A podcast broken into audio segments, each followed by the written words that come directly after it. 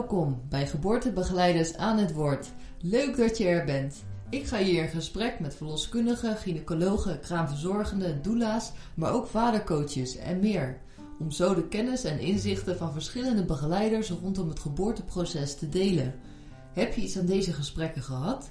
Steun dit initiatief door te delen, liken of een reactie achter te laten.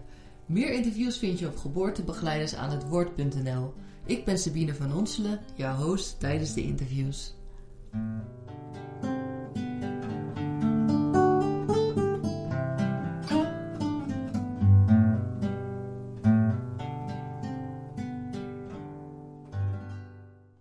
Ik ben ontzettend enthousiast om het volgende interview aan je te mogen presenteren met Barbara Havenit. Het interview richt zich voornamelijk op voeding en leefstijl voor, tijdens en na de zwangerschap. We bespreken veel voorkomende klachten rondom het geboorteproces en hoe je zelf de kans op zwangerschap aanzienlijk kunt vergroten. Barbara Havenit is een gynaecologe, orthomoleculaire arts, trainer, auteur en spreker.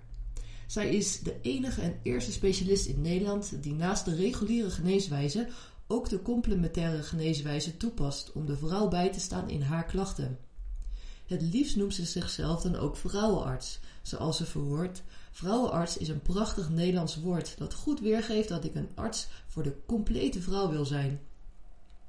Barbara studeerde geneeskunde aan de Universiteit Maastricht en is gynaecologe sinds 1995. Tot 2011 werkte zij in diverse ziekenhuizen om daarna haar eigen praktijk te starten, Vrouwenpolie Boksmeer. Dit is een zelfstandige kliniek voor gynaecologie, vruchtbaarheidsadviezen, seksuologie en integrale geneeskunde.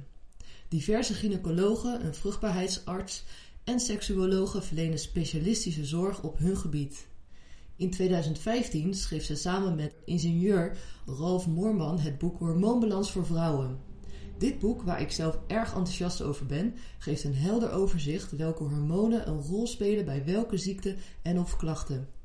Zij beschrijft wat de reguliere gezondheidszorg voor adviezen kunnen geven en wat je zelf kunt doen. Hierin speelt voeding en leefstijl een cruciale rol. Echt een aanrader. Welkom allemaal bij een nieuwe aflevering bij Geboortebegeleiders aan het woord. Ik zit vandaag in de Vrouwenpolie Boksmeer met Barbara Havenit. Ik heb ontzettend uitgekeken naar dit interview.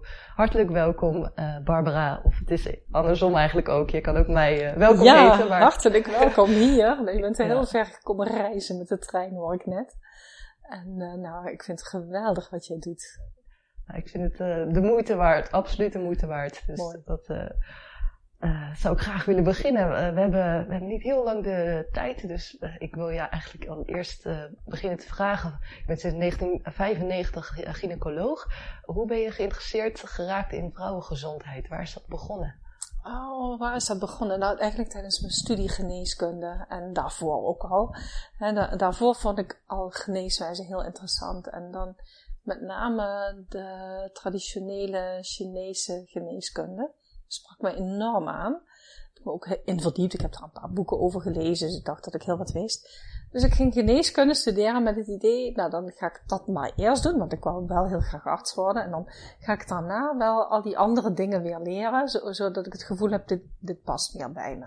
Mm -hmm. de meer, uh, ja, de wat traditionelere uh, natuurgeneeskundige vormen van, van mm -hmm. geneeskunde. Nou ja, tijdens zo'n studie kan je dat niet volhouden, want je moet er vol voor gaan, voor de traditionele, reguliere geneeskunde. Wil je het systeem goed onder de knie krijgen. En ik heb me daar ook heel goed in gevoeld. En ik ben um, heel kort na, of, ja, kort na de oprichting van het Vrouwengezondheidscentrum Maastricht, wat toen bestond en nu inmiddels weer, maar met heel andere mensen weer is opgericht, ben ik daarbij gegaan. En we hadden als idee, helemaal vanuit feminisme, we gaan ons heel erg richten op ja, het uh, informeren van vrouwen over vrouwenziektes, omdat zij mondiger kunnen zijn richting arts. Dat was in die tijd was de mondige patiënt natuurlijk het grootste ja, doel, het grootste streven wat je, wat je kon bereiken. En we hadden dan één keer per week spreekuur en dan kwamen vrouwen, die hadden dan van de gynaecoloog gehoord, ja, je hebt die en die ziekte, dan je baarmoeder moet eruit. En die kwamen dan bij ons vragen, ja, zou ik dat wel doen, weet je? En dan probeerden wij die vrouwen dusdanig te informeren. Dat is echt lang voordat Google bestond en überhaupt internet er was. Ja, met, met gewoon in de bibliotheek kijken en in onze eigen, eigen boekenkast kijken en artikelen uit kranten van ja, wat is nou slim hè? bij jouw soort probleem, bij jouw soort ziekte? Wat zou je dan kunnen doen? Dus we zochten heel veel op voor mensen en probeerden ze inderdaad te bemoedigen om uh, tegen de dokter te zeggen van ja, dit wil ik of dit wil ik niet. Of dit past bij mij en dit past niet bij mij. En wanneer was dit ongeveer? Oh, dat is 1982, 1983. Zo, ja. Dat is ontzettend lang geleden. Maar ja, eigenlijk als je erop terugkijkt, is het ook maar een hele, het is een nutshell. Maar er is al heel veel veranderd. En ik ben heel blij met die verandering, die ontwikkeling. Dat, uh, ja, dat patiënten niet meer leidzaam afwachten. Maar daadwerkelijk betrokken zijn bij het kiezen van een behandelmethode die het beste bij hen past en bij hen aansluit. Het is niet meer de alwetende dokter die verkondigt wat het beste is voor je. Dus, nou ja, dan, ja. ja dus een van de initiatieven die toen opkwamen, dan heb ik aan meegedaan. En vervolgens heb ik gewoon geneeskunde gestudeerd en ik vond gynaecologie erg leuk. Maar ik dacht ook nog steeds van, nou, ik vind huisartsgeneeskunde wel leuk. Ik ben naar uh, Brazilië geweest een half jaar. Daar heb ik stage gelopen in een ziekenhuis en ook in een vrouwengezondheidscentrum. Die zich heel erg richt op anticonceptie voor vrouwen, om dat bereikbaar te maken voor ook juist de vrouwen met weinig middelen, de arme vrouwen. En nou, ik, ik, uh, ik kwam in die gynaecologie wereld terecht. En ik vond het zo ontzettend leuk. Ik had echt zoiets van, ja, maar uh, nee, ja, ik weet wel wat ik, wat ik wil. Ik wil gewoon die gynaecologie in. En vervolgens deed ik mijn eerste co-schap, co-assistentschap, huisartsgeneeskunde. Dus wist ik zeker, dit ga ik niet doen. Dus nou ja, het was duidelijk, ik wilde gynaecoloog worden. Dat was heel moeilijk hoor in die tijd. Je kwam er niet zomaar tussen. En er waren nog bijna geen vrouwelijke gynaecologen, iets van 10% in die tijd. Ja. Nou, ze vonden, er waren dus hoogleraren bij wie je dan solliciteerde. Die zei van, ja maar meisje, ik neem geen vrouwen aan, want jullie zijn niet objectief. Mm, dat kan je niet meer voorstellen. Kan je niet meer voorstellen. Nee, want het, is, ja, ja, het, lijkt, het lijkt gewoon een eeuw geleden, maar het is vorige eeuw inderdaad. Het is, het is nog maar 30 eh, jaar geleden dat dit gezegd werd. Ja. Dus is het, ben je, zie je jezelf als een feminist in die zin? Of? Nou ja, zeker wel. Hè? Ik ben natuurlijk altijd wel heel erg uh, voor het mondig maken of het mondig laten zijn van vrouwen en patiënten. Ik vind dat je alleen maar een goede dialoog kunt hebben met elkaar als je in een gelijkwaardige positie verkeert. Ja, ja. Dus en daarom ook die ontzettend dappere stap vind ik zelf dat je uit het ziekenhuisleven waar je heel veel jaar hebt gewerkt, gewerkt en je de vrouwenpolybox mm meer bent gestart in 2011. Ja, klopt. Uh, was dat moeilijk of was dat echt? Nou, het was, het was, dit was noodzaak. Noodzaak, ja. uh, en natuurlijk voor een belangrijk deel kwam dat voort uit het gevoel, maar nu nog twintig jaar zo op deze wijze werken. En eigenlijk niemand echt recht kunnen doen, want het is altijd snel en snel en gauw en haast. En uh, geen tijd om echt met iemand te kijken van oké, dus je hebt een gynaecologisch probleem, zeg je hebt een cyclusprobleem. Oh, maar je hebt ook migraine. Oh, nee, maar joh, je hebt ook een, een darmprobleem. Oh, wacht even, uh, je hebt ook altijd last van je gewricht. Ik noem maar eens een paar combis hè, van dingen. Nou ja, maar dan kan je zeggen, oh, als gynaecoloog kan ik best kijken naar die cyclus. Oh, neem de pil, hè, dan gaat het over. Dat is natuurlijk niet waar. Dat is de standaard oplossing in alle richtlijnen. Maar dan is er een andere dokter die kijkt naar de darm. En weer een andere dokter die kijkt naar die gewrichten. En nog weer een andere dokter uh, die, die doet weer een ander onderdeeltje. De neuroloog voor de migraine, noem maar iets. Maar niemand overziet nog de hele vrouw, de hele patiënt. En eigenlijk is er heel vaak, als er zoveel verschillende klachten aan de hand zijn, één pyromaan. En wij dokters, wij zijn hartstikke knap in het bestrijden van allerlei vuurtjes die opflakkeren. Maar we zijn vergeten dat je veel beter de pyromaan kan uitschakelen. Mm En nou, ik heb dus nu een, een aanpak geleerd waarbij ik dat wel beter kan. Ja. En dat is veel bevredigender. Ja, dat uh, is uh, echt baanbrekend. Dat was zo ervaar ik dat. Uh, dat zie je nog niet veel. Er is nog niet veel bekend over.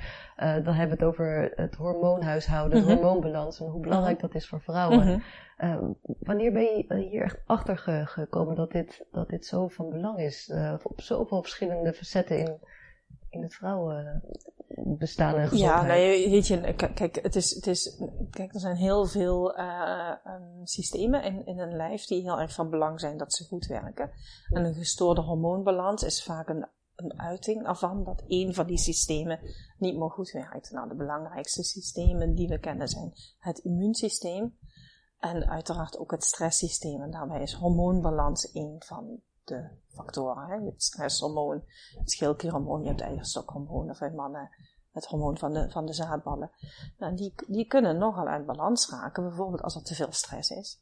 Of bijvoorbeeld als het immuunsysteem heel erg overactief is en alles, uh, alle energie opslokt, dan is er niks meer over voor de goede hormoonbalans. En door steeds ja, heel systemisch te kijken naar het hele lichaam, maar verder dan het lichaam. Dus ook hoe ga je met stress om? Hoe heb je geleerd met stress om te gaan? Wat heb je in je leven meegemaakt? Vroeger als kind, misschien zelfs al in de baarmoeder bij je moeder. Hmm. Hè? Maar ook hoe eet je? Uh, wat voor leefstijl heb je? Beweeg je? Uh, Wat holistische ja, kijk. Ja. Hoe is het met alcoholgebruik, verslavingen? Uh, eet je voldoende groenten? Eet je veel suiker? Uh, hoe is het in je familie? Hè? Uh, bijvoorbeeld zo'n zo zo'n hormoonbalansstoornis. Komt die ook in je familie voor? Zijn er bijvoorbeeld vrouwen met borstkanker of eierstokkanker? Dus er kunnen erfelijke factoren spelen. Dus het is een heel compleet beeld wat je probeert te schetsen van die mens en, en zijn omgeving. Ja, ja, en een van die speerpunten waar jij vooral naar kijkt is inderdaad het hormoonbalans. Juist, Naast natuurlijk nog andere Uiteraard, stukken. Ja. Zeker, zeker. Ja. ja. en, uh, deze podcast gaat voornamelijk over de, rondom de geboorte. Eh, zeker. daar speelt het ook een uh, enorm belangrijke rol. Ja. zowel voor de zwangerschap als wel lukt met zwangerschap, mm om zwanger te worden natuurlijk. Mhm. Tijdens de zwangerschap en, en daarna. Uh, dus momenteel spelen er veel um, uh, is, uh, dat vrouwen kampen met, ja, met vruchtbaarheidsproblemen. Um, wat, wat zou je hierover kunnen zeggen? Wat, wat zouden vrouwen kunnen doen bijvoorbeeld om ja, in plaats van hormonen in te spuiten of via een, reguliere weg? Um, welke mogelijkheden zijn er allemaal op dat gebied? Oh, wat we steeds beter weten, dat is niet echt een kennis die wij alleen hier hebben als dokters die integraal kijken, maar die ook zeker in de reguliere geneeskunde steeds meer doordringt, is dat je eigenlijk alleen maar heel goed en makkelijk zwanger kan worden als je een gezond lichaam hebt en je partner ook een gezond lichaam heeft. En dat de voorbereiding om überhaupt in verwachting te kunnen raken, dus er moet ergens een, rijpe zaadcel zijn en die moet een rijpe eicel tegenkomen, begint jaren eerder. We weten inmiddels al hè, dat um, zo'n goede voorbereiding op zwangerschap, dus gezond lichaam en geest bij man en bij vrouw. Nou, dat, dat al anderhalf, twee jaar duurt voordat je dat helemaal in evenwicht hebt, hè, als je vanuit een onevenwichtigheid komt. Maar ontzettend belangrijk is voor de start van een kindje. En dan niet alleen dat het kindje goed in die, in die baarmoeder blijft groeien, maar eigenlijk al ja, de eerste duizend dagen van na de bevruchting bepalen enorm je gezondheid. Uh en dat heeft niet alleen maar gevolgen van dat moment, dus hè, tot, tot, dat je 2,5 bent, zeg maar. Maar dat, dat eilt door totdat je zelf weer jaar bent. En hoe gezonder jij zelf start, hoe gezonder ook jouw kinderen weer zullen zijn. De darmflora en opbouw van de Darmflora is belangrijk, maar überhaupt ja. dus de kwaliteit van zaad- en eicellen zijn enorm belangrijk. Ja. En je krijgt goed kwalitatieve ja, geslachtscellen, zaad- en eicellen als je een gezond lichaam hebt en, een gezonde geest. En wat, wat kun je doen, zeg maar? Welke voeding of leefstijl of, ja. of, andere methoden kan je gebruiken? Er zijn, er zijn behoorlijk wat onderzoeken. Wat bijvoorbeeld het allerbeste onderzocht is op dit moment, is het mediterrane dieet. En heel veel mensen denken bij mediterrane dieet aan pasta en pizza. Dat is het niet. Juist niet, nee. Hè? En dus, uh, jammer, Ja, ja, ja, soms is het jammer. Nee, dat is natuurlijk eigenlijk niet jammer, want de mediterrane voeding is bijzonder lekker. Ja. En heel erg gevarieerd. En een van de principes is vers, dus onbewerkt verse voeding. Het is in de eerste plaats veel groente, zeker twee keer per dag. En daarbij komen allerlei dingen die we nu als, als gezond uh, kennen. Hè? Olijfolie is een belangrijk onderdeel vis en schaal- en schelpdieren vormen een belangrijk onderdeel. Maar er horen ook peulvruchten en noten bij. En daar horen natuurlijk ook vruchten bij, dus fruit. Sorry. En wat er ook bij hoort is uh, um, vlees, maar vooral niet te veel rood vlees. Uh, vooral eerder gevogelte. En het allerbeste is dan als je het, het, het vlees eet van dieren die gevlogen, gezwommen of gelopen hebben. Ja. En ja, vers en onbewerkt. Dus het liefst niet het ultra-processed food wat je in de supermarkt krijgt. De helft van wat je in de supermarkt koopt, daar zitten zoveel ingrediënten in met onuitsprekelijke namen. daarvan, ja, hè, kan, je, kan je in twijfel trekken of dat wel zo gezond is. Dat hebben mensen van oorsprong nooit gegeten. Ja, en, Ja, en wat juist te laten? Welke voeding juist uh, Nou, dus, dus het zeer bewerkte. zelf bewerkte bewerkte, voeding. ja. Ja, zeer bewerkt. Hè? En, Dus, en brood bijvoorbeeld, een schijf van vijf, wat bekend is. is dat... nou ja, weet je, of, of brood eh, goed voor je uitpakt, dat moet je uitproberen. En als je het niet zeker weet, dan nodig ik mensen altijd uit om het de zes weken te laten. En als je, als je je beter gaat voelen en energieker gaat voelen, dan is brood dus voor jou niet de beste keuze. Maar natuurlijk zijn er genoeg mensen die het prima kunnen handelen. Maar er zijn ook mensen die het niet zo goed kunnen verdragen. Ja, Dus ja, granen, volkoren granen horen in een mediterraan dieet. Maar het is niet de grote bergen pasta die wij associëren met de Italiaanse keuken. ja. Ja. Veel groenten, Ja. eiwitten. Ja, ja eieren eiwitten, natuurlijk horen er ook bij, zeker. Ja, Ja. en dat is dus bijvoorbeeld bekend, wat een een heel mooi Rotterdamse onderzoek.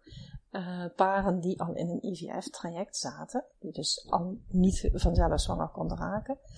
Daarvan hebben ze onderzoek gedaan. Een deel van de mensen hebben mediterraan gegeten en een deel van de mensen gewoon normale, een normale kostje. En de groep die mediterraan ging eten, die had een duidelijk hogere kans op zwangerschap en blijvende zwangerschap en een gezond kindje. Wauw. Ja. ja. Dat het eh, Ja. zo makkelijk, zeg maar, makkelijk kan zijn in de zin van... Ja, het lijkt relatief makkelijk. makkelijk, maar heel veel mensen voelen zich overvraagd als je zegt van nou, ga eens vers en onbewerkt eten. Ja, maar hoe moet dat dan? En, ja, maar daar heb ik toch helemaal geen tijd voor. En dat is, hè, we kennen natuurlijk toch het, En da- Ja, daar, het- daar zit waarschijnlijk ja, dat stressfactor ook al. een stressfactor. En koken met de schaar is heel hip. Hè? Je, je, je Koken. koken. met de schaar noem ik dat altijd. Dus eh, allerlei verpakkingen openknippen en bij elkaar eh, gooien en dan in 10 minuten een maaltijd op tafel. Ja, dat is wel makkelijk en snel, maar eh, misschien toch niet zo gezond. Door Ja. alle voorbewerkingen die plaatsgevonden hebben. Ja, Ja, inderdaad. ja. Dus we hebben inderdaad voeding, eh, is Ja. enorm belangrijk. ja leefstijl Stress natuurlijk. eventjes. Ja, Ja. ja. nou leefstijl, überhaupt er nog wat Leefstijl. stress bij. Mhm. Van hoe goed ga je om met stress? En dan zijn bijvoorbeeld aanwijzingen dat wanneer je erg gestrest bent, dat je wat minder makkelijk in verwachting raakt. Dat geldt zowel voor mannen als vrouwen, dat effect. En eh, een, een, een bewezen zinvolle manier om, als je veel stress hebt, toch goed overeind te blijven, en twee voeten op de grond te hebben, zijn de body-mind technieken. En dat zijn dingen zoals yoga, of mindfulness, of tai chi, of qigong. Er zijn heel veel technieken. En het beste bewijs is echt goed onderzocht zijn mindfulness en yoga. Dat is gebleken zinvol. Ja. Nou, verder is het natuurlijk niet slim om te roken als je een kind wil. Dat heeft echt heel veel schade. Niet alleen de kans op zwangerschap wordt duidelijk lager. Maar ook de kans op zwangerschapscomplicaties wordt veel hoger. Maar ook de gezondheid van jouw kind tot de rest van het leven. Hè, dus niet een paar jaar, maar het hele leven lang wordt minder goed. Nou, alcohol is waarschijnlijk eenzelfde soort effect. Dat is iets minder stevig. En we kunnen niet echt zeggen, er is een veilige ondergrens van alcohol. Dus je mag bijvoorbeeld wel één pilsje in de week en dat kan geen kwaad. Dat weten we eigenlijk niet. Te veel is sowieso heel schadelijk. Nou, eh, drugs. Dus dat kan je beter niet doen als je zwanger wil worden. Mhm. Dus eigenlijk al allemaal voor de zwangerschap. Ja, eigenlijk. En lang daarvoor. Ja. ei- Eigenlijk moet je dus niet zo van nu ik stop met de pillen en dan stop ik met roken. Maar eigenlijk is het veel beter om ja, je lichaam lang van tevoren voor te bereiden. En hoe lang ongeveer blijft het in je lijf zitten dat het inderdaad een effect kan hebben? Kan, kunnen we denken aan twee jaar? eh, ja, twee weet je, dat is voor de verschillende stoffen is dat anders. Maar bijvoorbeeld, ja. hoe langer je gerookt hebt, hoe langer het duurt voordat het effect helemaal over is. Ja. Dus als je pas vijf jaar rookt, is anders dan wanneer je al vijftien jaar rookt, bij wijze van spreken. Hè? Bij een, ja, Ja, dus-. Ja, dan duurt het langer voordat het helemaal over is. Nou, wat, wat, wat heeft nog meer heel veel zin? Dat zijn het vermijden van hormoonverstorende stoffen. En we weten zeker dat het bij mannen effect heeft. Dat is heel goed onderzocht. Omdat, ja, je kunt iemand blootstellen aan hormoonverstorende stoffen. Staan we allemaal bloot. En je meet de kwaliteit van zaadcellen. Van hoe bewegelijk zijn ze? Zien ze er goed uit? Zijn het genoeg aantallen? En vervolgens eh, ga je iemand eh, een half jaar lang behoeden voor blootstelling aan hormoonverstorende stoffen. Dus eh, geen deo met aluminium en parabenen en geen verzorgingsproducten met, met allerlei conserveermiddelen en het liefst biologische voeding zonder pesticiden om als wat wat, wat, wat, wat uh, ja, hè, blootstelling aan, aan, aan hormoonverstorende stoffen te vertellen, hoe je eraan komt. Geen water uit van die plastic flesjes die je zelf onder de kraan steeds bijvult. Hard plastic nemen of, of een glazen fles nemen. Na een half jaar gaan de zaadjes uh, bijna altijd een kwaliteit enorm vooruit. Zo, dat is eigenlijk iets wat je normaal gesproken maar aanneemt van nou, dat doet iedereen, het kan vast wel. Eh, dat, Daar zit eigenlijk al heel daar veel zit al heel wat in. kwaad in. Ja, voor eicellen kunnen we dat wat minder goed. Hè? Want een mhm. eicel, ja, dan heb je er altijd maar één van. Dus dan kun je ze moeilijk vergelijken met zijn zusjes uh, of de hoe de kwaliteit dan is. Dat is een beetje lastig. Ja, mhm. ja. Maar ja, waarschijnlijk heeft het ook effect. Ja. Als het bij mannen zo'n effect heeft, is het niet onwaarschijnlijk dat er bij vrouwen ook zo'n effect is. Ja, en alleen al hoe je je voelt uh, waarschijnlijk. En, ja. En tijdens de zwangerschap, daar is nog veel meer over te vertellen, maar daar mhm. zou ook mensen ook het mhm. hormoonbalans boek voor willen aanraden om, om uh, te lezen. Want daar zat uh, wat uitgebreider in. Maar om nog even naar de zwangerschaps te gaan, uh, zwangerschapsdiabetes komt uh, ook vrij veel voor. Ja. Uh, er zijn nog heel veel andere problemen, maar mhm. om even hier dit, mhm. dit, onderwerp te pakken. Zeker. Is daar wat aan te doen qua voeding? Absoluut. Nou, hè, er zijn nu de afgelopen weken onder andere meerdere programma's geweest die hebben laten zien, dus tv-programma's, wat het effect is van koolhydraatarm eten op diabetes. En dat zijn mensen die al ouderdomsdiabetes hebben. En zwangerschapsdiabetes is een soort voorloper van de ouderdomsdiabetes. Dus diabetes 2, type Zoals 2. Di diabetes 2. Dus je maakt niet te weinig insuline, maar eigenlijk juist heel erg veel insuline om ervoor te zorgen dat de suikers die je eet nog wel worden opgenomen in cellen.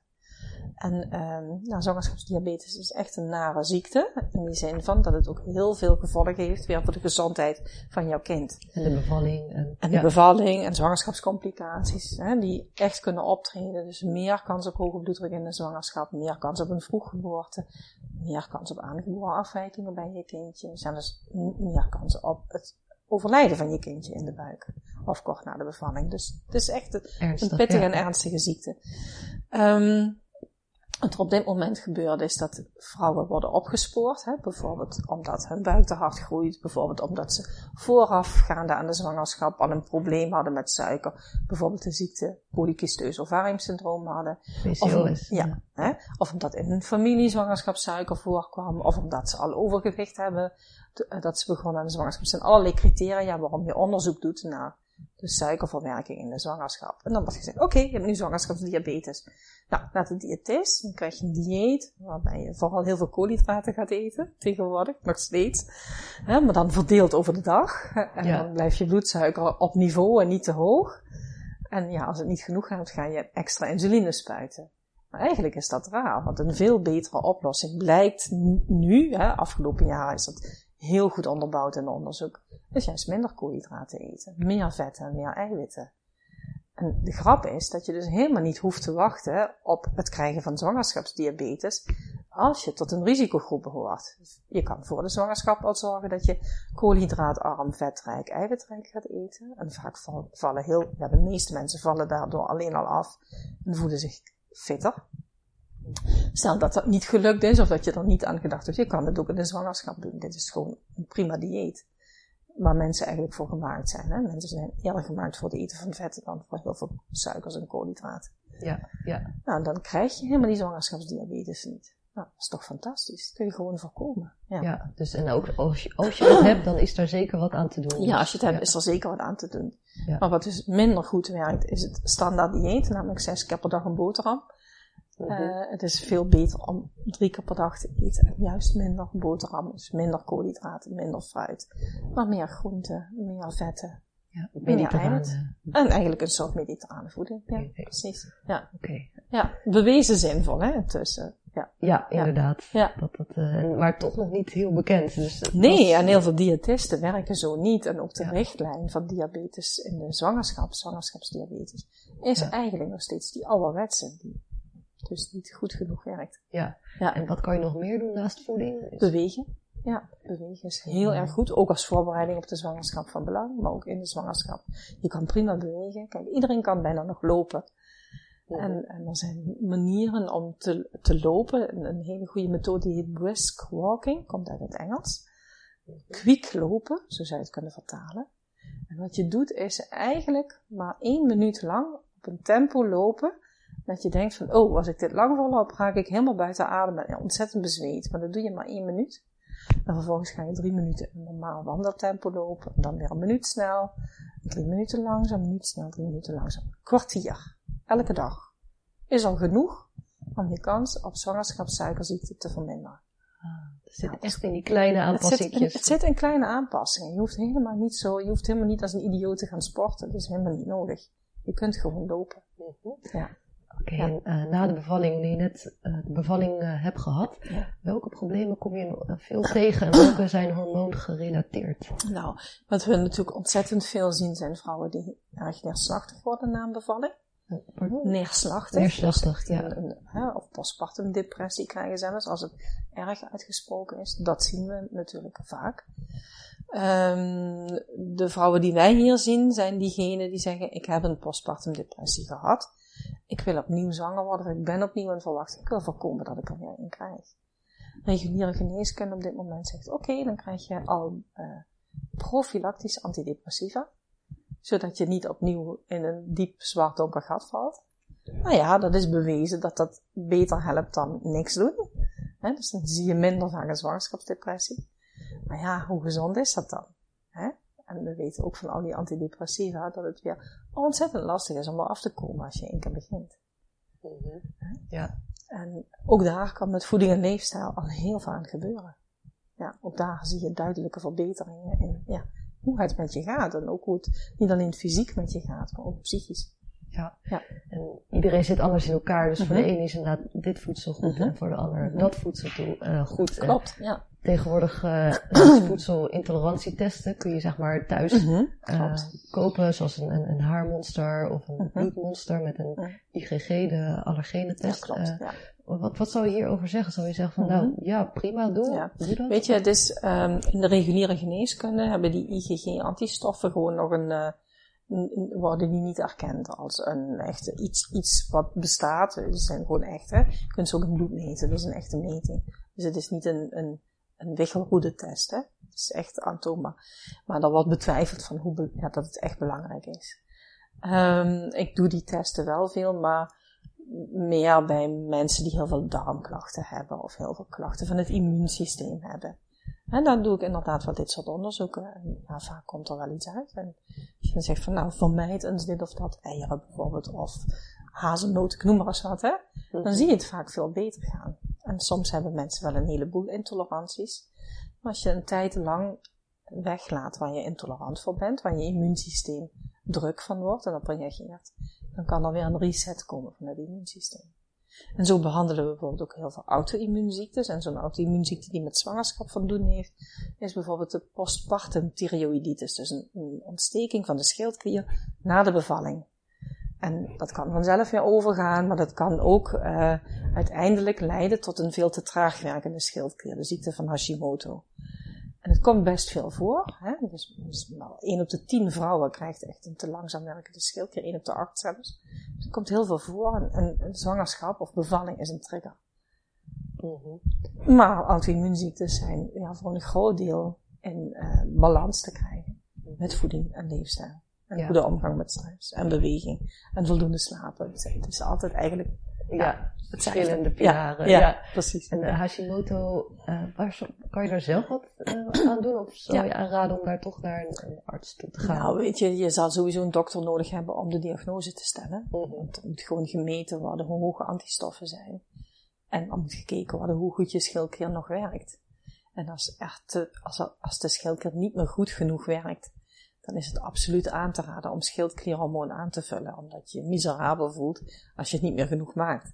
Mm maar intussen kan je toch proberen jouw immuunsysteem weer in balans te krijgen met de maatregelen als voeding en leefstijl en de omgang met stress en al het andere dingen die ik net genoemd heb. Ja, ja dat, dat kan zeker helpen en ook de activiteit van een auto-immuunziekte verminderen. En je kan antistoffen, dat doen we hier geregeld, meten. En je ziet soms waarden van heel hoog, 800.000, 2000, duidelijk verminderen naar 150 of zelfs 20. Dus ja. veel lager man. Ja, enorm is dat. Ja. ja. Uh, nou, laatst van de ronde zwangerschap. Daarna heb ik nog een mooie mhm. andere vraag. Um, een, een, een foliumzuur, dat wordt uh, aangeraden om te mhm. nemen. Mm -hmm. Vind je dat voldoende? Naast zeg maar als je ook een mediterrane leefstijl aanhoudt. Ja, ik vind, ik vind het sowieso zinvol dat je foliumzuur neemt als je in verwachting wil raken. Uh, waarbij de meeste supplementen die je kunt krijgen bevatten een synthetische vorm van foliumzuur. Dat is voor ongeveer twee derde, drie kwart van de vrouwen prima, die kunnen dat goed handelen. Maar een deel van de vrouwen niet. Die raken juist eerder in onbalans van synthetisch foliumzuur. Dat is een genetische aanleg. Hmm. En dat kun je aan de buitenkant niet zien. Of je genetisch aan een aanleg hebt, waardoor je synthetisch foliumzuur minder goed verwerkt. En je dus zelfs van de wal in de sloot raakt. Dat geldt ook voor andere supplementen wat synthetisch Het geldt ook wel voor andere supplementen, andere B-vitamines die synthetisch zijn of niet.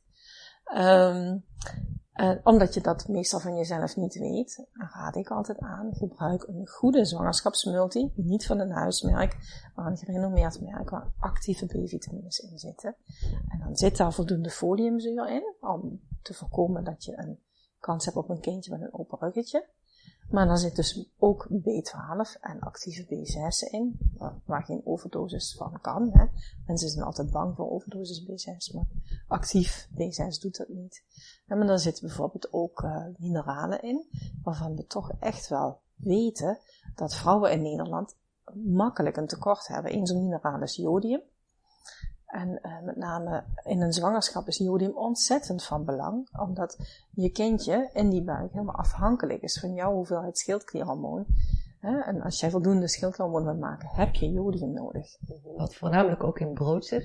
Ja, het wordt nu aan brood toegevoegd, hè, aan bakkerszout. Um, het zit van nature niet in graan. Nee, ja. Jodium komt uit de dingen die in zee leven. Dus het zit in vis en het zit vooral in schaal- en schelpdieren en in zeewier. Nou, je kan natuurlijk ook zeewier eten of zeekraal eten, dan krijg je genoeg jodium binnen. Maar als je dat allemaal niet eet, of heel weinig eet, dan is jodiumsuppletie zeker zinvol. En je krijgt in Nederland genoeg jodium binnen als je minstens zes je brood op een dag eet. Ik ken maar heel weinig vrouwen die dat halen. En als je dan nooit vis eet, dan heb je een grote kans op een jodiumtekort. Als je in verwachting bent, dan stijgt de hoeveelheid jodium die je nodig hebt met de helft. Dus in plaats van 150 microgram heb je in een zwangerschap 225 microgram nodig. Nou, dat zijn dan 9 boterhammen. Nou, ik, zie het, ik zie het de meeste vrouwen niet doen. Dus jodium suppleren. En een ander element wat heel belangrijk is voor de schildklier is selenium. De Nederlandse bodem is erg arm aan selenium. We krijgen het haast niet binnen, een beetje via noten. Het zit ook wel weer aan vis. Maar ook dat, ja, daar kun je makkelijk te weinig van binnen krijgen. Zink is een mineraal wat we niet zo heel veel in onze voeding aantreffen. Zink is bijvoorbeeld ook heel belangrijk voor de zaadjes, dat ze goed gaan zwemmen. Dus voor mannen is zink nodig. Ja, en dan heb je al drie dingen. IJzer is een, is een ding wat, wat van belang is als je in verwachting bent. Extra ijzer. Dat is ook bijna niet aan te slepen in gewoon alleen maar genoeg eten. Dus dan heb je alweer ja, verschillende mineralen. Dus jodium, zink, ijzer, selenium. Ja. ja, die heb je echt extra nodig. Plus die B-vitamines, foliumzuur, maar zeker ook B12. Dat zit waarschijnlijk in pre-pregnant. Dat is het... Uh, er zijn diverse goede zwangerschapsmultis, ja. ja, Maar dan dus echt kijk naar eentje met actieve B-vitamines. Ja. En verder, nou ja, de meeste mensen eten niet genoeg vis. En uh, we zijn allemaal bang voor vis, want ja, je mag geen rauwe zalm en zo en geen rauwe haring eten, want dan krijg je ziektes van als je zwanger bent. Dus dan eten we maar geen vis. Dus dat vind ik persoonlijk een heel oenig advies om dan te zeggen, eet dan maar geen vis. Want je hebt die omega-3 visolie heel erg nodig om een goede hersencellen te kunnen bouwen voor je kind. Ja. En goede netvliescellen voor goed zicht. En goede zenuwcellen. Dat is heel belangrijk. Het is ontzettend veel ja. kijken. Ja, zeker. Ja. nodig. Erg belangrijk. Ja, ik uh, kom hier overal, als ik het goed heb, papavers tegen. Klopt, ja. Zou je uh, willen vertellen waarom die keuze? Ja, nou, de, de klaproos die staat symbool voor um, de innerlijke kracht van vrouwen. Uh, bepaald Ja, het is, uh, nee, het is niet specifiek een mythe. Het is gewoon de fe het fenomeen klaproos. klaproos is natuurlijk, als je naar kijkt, een mooie bloem. De meeste mensen vinden het mooi. Heel mooi felrood. Dus staat daar een beetje te pronken met zijn mooie kleur. Maar ziet er ook heel frelle uit op dat hele dunne steeltje. En dan, ja, dan hoeft gewoon een zuchtje wind te komen en, het is klaar, zeg maar. Dus dan lijkt hij heel erg kwetsbaar. En dat is ook iets wat natuurlijk overeenkomt met een eigenschap die we vrouwen toedichten. We, dichten vrouwen toe dat ze kwetsbaar zijn. En fraaie, maar wel mooi. Hè? Wel mooi wezen, maar dan nou, hoeft maar weinig te gebeuren. Of ze vallen van, van de sokken, zeg maar. Uh, en dan ga je dan verder kijken naar die klaproos. En dan zie je van, hé, hey, daar zitten hele bijzondere eigenschappen in. Want hij is ontzettend goed geworteld. Dus hij, je krijgt hem niet zomaar uit de grond getrokken. Je krijgt überhaupt een klaproos niet makkelijk geplukt.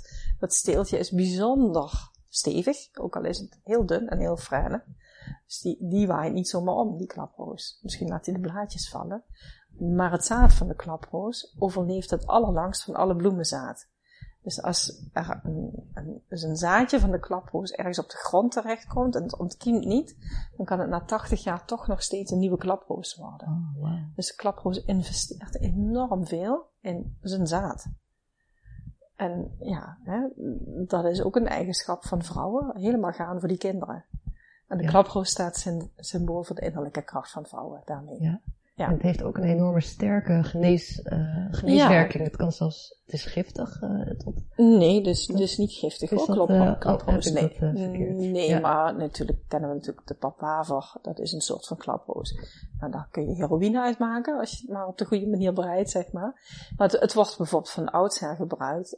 de zaadjes, daar kun je ook weer thee van maken. Voor kinderen die niet goed kunnen slapen. ja, ja dus het heeft dan het. Ja, en maanzaad, hè, dat is natuurlijk ook zaad van klaproos. Dat is ook nog lekker. Kun je gewoon eten is niet giftig, want anders zat het niet op de broodjes ja, waar je bakken. Ja, nee. klopt. Nee, ik uh, linkte hem denk ik met de heroïne. Ja. ja. ja. Oké, okay, bijzonder. Ja, ik was daar nieuwsgierig naar. Nou, een laatste vraag. Heb je nog een droom of visie wat je de komende vijf jaar verwezenlijkt ziet worden? Oh ja. Je hebt al prachtige dingen gedaan in je leven. Dat is bewonderenswaardig. Oh, ja. Nou, uh, er zijn heel veel dromen. dus ik wil niet onbescheiden zijn, maar er zijn zeker meer dromen. Nou, ik wil heel graag nog een boek schrijven. En ik ben nu in de brainstormfase met een collega hier van de Vrouwenpolie. Uh, we hebben dit boek heel erg geschreven, Hormoonbalans voor Vrouwen, samen met Ralf Moorman.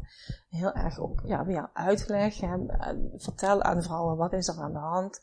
Wat zou de dokter erover zeggen als je met die klacht bij hem kwam of haar? Uh, maar wat kan je zelf doen? Hè? Ja. Wat kan je nou zelf ook nog doen om dit te verbeteren? Dus op die manier. We willen een boek schrijven aan de hand van echte verhalen van vrouwen, een vaak ziektegeschiedenis, hoe ze bij ons terechtkwamen en hoe het dan weer verder gegaan is met hen. Ah, Zo zijn dus we, zijn al even voorkwam, maar dan een ja, andere verhaal. Maar dan, maar dan meer dus echt, nu hebben we het heel erg ziektegericht gedaan, mm -hmm. maar, we, maar een mens is niet een ziekte. Dus we willen het heel graag gaan linken aan een levensverhaal van een vrouw. En, en zo willen we verschillende soorten vrouwenproblemen bespreken. Ja, oh, mooi, dus in zijn geheel inderdaad. Ja, in zijn geheel. En natuurlijk alles wat erbij komt kijken. Dus ook je voeding en ook je leefstijl en ook de omgang met stress en hoe je dat kunt oppakken dan eigenlijk aan de hand van het verhaal van zo'n vrouw, van hoe het met haar gegaan is. Om ook mensen ja, ja, eigenlijk inspirerende voorbeelden te kunnen geven. Van ja, dit en dat was er allemaal mis. En nou, kijk eens hoe het nu gaat. Dus het kan altijd nog wel. Zelfs al ben je hiervoor de zeven dokters geweest die het niet wisten. Ja, dat, veel voorkomt. Ja, ja, dat komt helaas ja. aardig veel voor. Nou, verder uh, wil ik heel graag meer artsen opleiden. Uh, en het zijn natuurlijk ook gynaecologen of vruchtbaarheidsarts. Ze kunnen al heel veel. Maar ik wil heel graag dat, dat nog meer dokters dan degene die nu bij de vrouwenpolie werken, we werken nu met z'n vijven, ja, breed weer gaan denken, integraal gaan denken. En, en lichaam en geest kunnen verbinden. En ja, alle losse organen weer als één geheel kunnen zien. Wauw, ja. mooie, ja. ontzettend mooie visie, ja. want je hebt het momenteel ontzettend druk. Dus ja, het is, het is wat te druk. Dus er moeten meer dokters bij en het liefst meer vrouwenpolies. Dus dat is een echte grote droom. Een nieuw boek en een heleboel vrouwenpolies. nou, fantastisch ontzettend mooi. Is er nog iets wat je wil meegeven aan de luisteraars? Nou, weet je, hoe, hoe eh, vervelend een ziekte ook kan zijn, of hoeveel last je er ook van kan hebben, of hoe naar het ook kan zijn om niet in verwachting te raken.